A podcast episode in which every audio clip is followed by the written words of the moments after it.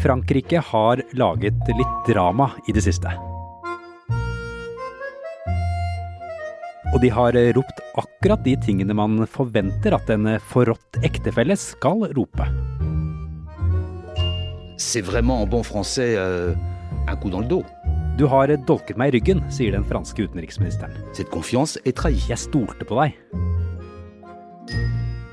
Og det på grunn av noen ubåter. Du hører på Forklart fra Aftenposten, og jeg heter Andreas Bakke Foss. I dag er det mandag 27. september. Det er sikkerheten vår, tryggheten vår, det er økonomiske eh, forhold. På en måte så står jo alt på spill. Kristina Pletten er kommentator her i Aftenposten. For å skjønne hvordan en avtale om et kjøp av noen ubåter har laget en diplomatisk krise, så må vi en stund tilbake til da forholdet mellom USA og Europa var ganske annerledes enn sånn det er nå. Forholdet mellom Europa og USA var jo på en måte en heftig kjærlighetshistorie eh, både i, i og etter andre verdenskrig. USA kom inn som en eh, prins på en hvit hest og reddet eh, Europa. Eh, løftet det opp igjen etter krigen med Marshall-hjelpen. Og, eh, og, så etablerte man altså en pakt gjennom Nato som sikret tryggheten på begge sider av Atlanterhavet. Samtidig så knyttet man tette bånd økonomisk, kulturelt, og det var i det hele tatt, vil jeg si, en, en veldig sånn sterk allianse, et, et lykkelig ekteskap i veldig, veldig mange år. Men eh, gjennom årenes løp så endret jo forholdet seg, som det ofte gjør. Det blir mer frynsete, det blir kanskje litt eh, mindre eh, følelsesmessig intenst. Eh, man fikk andre interesser. Eh, og det er klart at eh, eh, verden rundt endret seg også i, i, i, veldig stor grad. Og det gjorde nok at eh, forholdet begynte å skrante på mange måter. Kanskje for mange tiår siden, men har eh, fortsatt liksom litt sånn av rutine og litt av, eh, av en sånn felles følelse av trygghet da, som har vært, uh, har vært sånn helt grunnleggende. Men, men, nå ser vi jo at det, det, sprekker opp mer og mer, og at det kanskje um, har kommet til et punkt der Eh, tankene om skilsmisse har virkelig begynt å komme opp for alvor. Så da var det en av dem som lasta ned en datingapp, skrudde avstandssøket på maks og begynte å bla etter en ny match. USA har jo mange, på mange måter begynt å flørte litt med andre typer allianser, andre land. Og det har nok gjort uh, europeerne både litt uh, sjalu og litt nervøse. Du fikk det kanskje med deg i forrige uke. Da Frankrike hentet hjem diplomatene sine fra både USA og Australia. Now, France has withdrawn its ambassadors from Australia and the United States in retaliation for. President Biden admitted to his French counterpart today that the U.S. could have been more open about a submarine deal that left the French out and left them furious.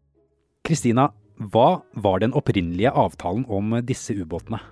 Australia og Frankrike har hatt en avtale om at australierne skulle kjøpe eh, franske dieseldrevne ubåter. Det var en kontrakt som har vært mange, mange milliarder, og eh, involverte masse arbeidsplasser og var en, et kjempestort prosjekt. Det som så skjedde, var at denne avtalen begynte å få litt problemer. Franskmennene leverte ikke helt sånn som australierne ønsket. Det gikk litt for seint, og det har i det hele tatt dukket opp en del ting som eh, ga en del skjær i sjøen. Men eh, helt frem til i sommer, og eh, faktisk også etter sommeren, så har Australia bekreftet at de sto ved denne avtalen. Og så plutselig eh, kom det da eh, en nyhet som på en måte kastet alt over bords. Ja, hvilken nyhet var det? Eh, USA, Storbritannia og Australia har inngått et samarbeid som de kaller AUKUS, der australierne skal få tilgang til eh, veldig avansert militær teknologi, deriblant atomdrevne ubåter. Og det gjør at eh, Australia ikke lenger trenger å kjøpe disse ubåtene fra Frankrike. Så i løpet av noen få dager så eh, ble det både kjent at eh, Australia kansellerte avtalen med Frankrike, og at de hadde inngått en ny match med USA og Storbritannia. Og det vakte selvfølgelig sterke reaksjoner i Europa, spesielt i Frankrike. Og det fikk Frankrike til å tenne på alle pluggene. For kanskje har de innsett at eh, Joe Biden også setter America first.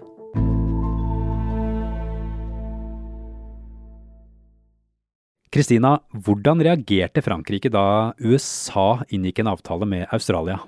Eh, franskmennene reagerte med raseri, det er vel ikke noen annen måte å beskrive det på. De kalte hjem ambassadørene sine fra både Washington og Canberra, den australske hovedstaden, og det er jo et veldig, veldig sterkt grep å gjøre. Og den franske utenriksministeren sa at Frankrike hadde blitt dolket i ryggen av sine allierte. Nous avions euh, établi avec euh, l'Australie une relation de confiance. Cette confiance est trahie så skulle det være et møte eh, i forbindelse med FN-uken i New York på onsdag. Eh, det ble kansellert fordi franskmennene fortsatt eh, var fornærmet. Så har det vært snakk om at de skulle møtes igjen da og prøve å i hvert fall komme hverandre litt i møte, men foreløpig så er det jo det som ikke kan beskrives som noe annet enn en full diplomatisk krise mellom Frankrike og USA spesielt. Hvorfor gjør USA dette her, altså inngår en hemmelig avtale med Australia og Storbritannia som medfører at Australia bryter sin avtale med Frankrike? Alt dette handler jo om den virkelig store utfordreren for USA nå, som er Kina. Amerikanerne ønsker å styrke sin militære tilstedeværelse i eh, områdene i Sørøst-Asia, og de ønsker å få hjelp fra bl.a. Australia til å gjøre dette her. Så dette er en strategisk avgjørelse der eh, de altså antagelig har tenkt at det var verdt å, å eh, tråkke Frankrike litt på tærne og såre deres følelser for å få styrket eh, eh den militære oppbygningen, spesielt i Sør-Kina-havet, da. Så dette har nok vært en ganske kynisk avveining fra amerikanernes side. Our security, our prosperity, and our very freedoms are interconnected, in my view, as never before. And so, I believe we must work together as never before.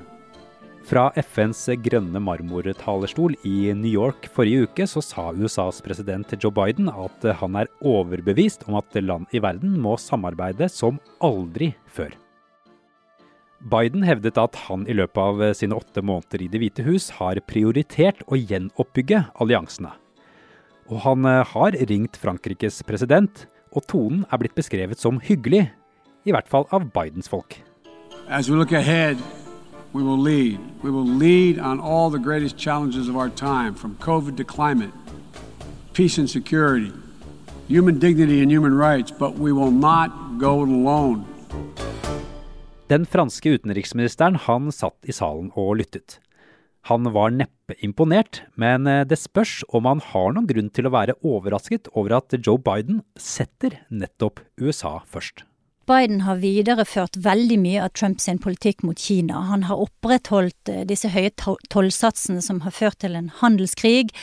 Han har eh, gjort det forbudt å investere i visse kinesiske selskaper, og en god del andre sånne type tiltak. Eh, vi har også sett at eh, i uttrekningen fra Afghanistan så eh, var Biden eh, egentlig på linje med det Trump hadde lagt opp til. Han trakk seg ut til en spesiell dato, selv om eh, de europeiske allierte, spesielt Frankrike og Tyskland, ba om en, en lengre frist. Så Biden har eh, vist at han er villig til å gå ganske langt på egen hånd eh, for å nå sine mål, selv om eh, han får ganske skarpe protester fra USAs allierte i Europa. Altså Biden er ganske lik Donald Trump da, i utenrikspolitikken? ja og nei. Altså, retorikken er jo veldig forskjellig. Han sier mye mer av det Europa eh, ønsker å høre. Eh, så det kommer mye forsonende ord.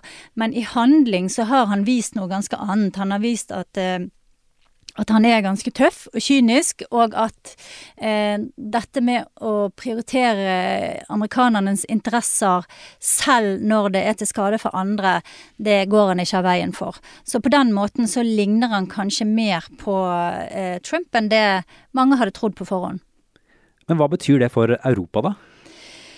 Det betyr kanskje for Europa at eh, europeerne også er nødt til å begynne å tenke litt mer kynisk. Eh, de er nødt til å eh, ta et valg om de skal støtte eh, USAs politikk mot eh, Kina f.eks., om de skal eh, la seg hente inn i den felles fronten mot Kina som Biden ønsker seg.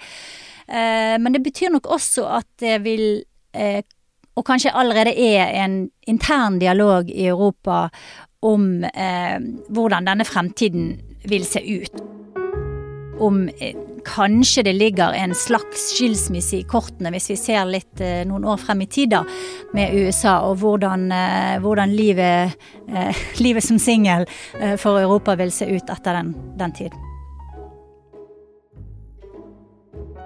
Ekteskapet mellom USA og Europa var turbulent allerede før sidespranget i denne ubåtsaken. Hvorfor er følelsene mellom Europa og USA blitt kaldere? Altså, eh, jeg har ofte tenkt at eh, det handler jo om mange ting, men det handler også rett og slett om personlige bindinger. Eh, under annen verdenskrig og i årene etter så var amerikanerne knyttet til Europa på en personlig måte, på en familiær måte. De hadde nære familiemedlemmer eh, i samme generasjon som bodde i Europa. Brødre, søstre, eh, kusiner osv. Eh, når vi ser eh, i dag, så er de direkte båndene mye mer eh, frynsete. De er, de er, ikke lenger der på samme måte. Så i dag er dette mer en, en formell eh, pakt. En, en, pakt som kanskje ikke handler så mye om, om følelse av tilhørighet som følelse av plikt. Eh, og det er klart at da blir det en litt annen dynamikk. Og så i tillegg så kommer jo alt dette som vi snakket om tidligere, om eh, et skiftende internasjonalt bilde, skiftende eh, maktbalanser, et Asia som, som eh, kommer opp som en, en større utfordrer. Så eh, her er, her er på en måte mange ting som nå er med på å drive eh, Europa og USA fra hverandre og, og bort fra en sånn veldig sånn naturlig, eh, et naturlig forhold mellom to eh, tette allierte, da. Man kan jo si Kristina, at de fleste som går ut av et forhold, de mister noe ved å gjøre det slutt. Hva er det USA mister om de nå skiller seg fra Europa? Det viktigste eh, aspektet med forholdet mellom Europa og USA, som egentlig det viktigste aspektet med mange lange forhold, er jo trygghet. Eh, USA og Europa har gitt hverandre en historisk unik trygghet i den alliansen de har hatt i så mange år. Eh, dersom man setter dette på spill, så eh, blir det jo erstattet med en usikkerhet som ingen helt vet hvor fører hen. Eh, da kommer eh, verden inn i en slags ny fase, eh, der eh, det er mange uromomenter, og det kan føre til en At den, noe av den tryggheten blir borte. Men hvordan kan eh, livet som singel se ut for Europa, da? Ja, som ved alle lange forhold som tar slutt, så er jo det eh, kanskje en mulighet for Europa å etablere en slags selvstendighet og en selvsikkerhet som kontinentet ikke har i dag. Eh, Europa er en kjempestor økonomi samlet, eh, og det er eh, et kontinent med høy utdannelse, god infrastruktur og egentlig alle muligheter for å være en supermakt i sin egen rett. Og det er klart at eh, ved en skilsmisse fra USA så vil man kanskje bli tvunget da til både et eh, mer konstruktivt og tettere samarbeid og til til å løfte seg som en, en felles eh, union. Så kanskje eh, vil dette her eh, gjøre Europa faktisk mer relevant i fremtiden.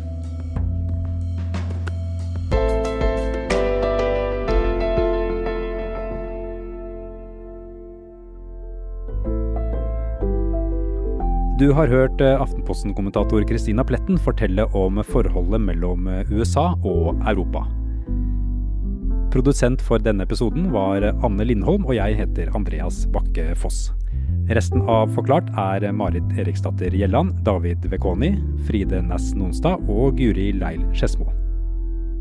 I denne episoden har du hørt lyd fra nyhetsbyrået AP, BBC, Sky News og NBC.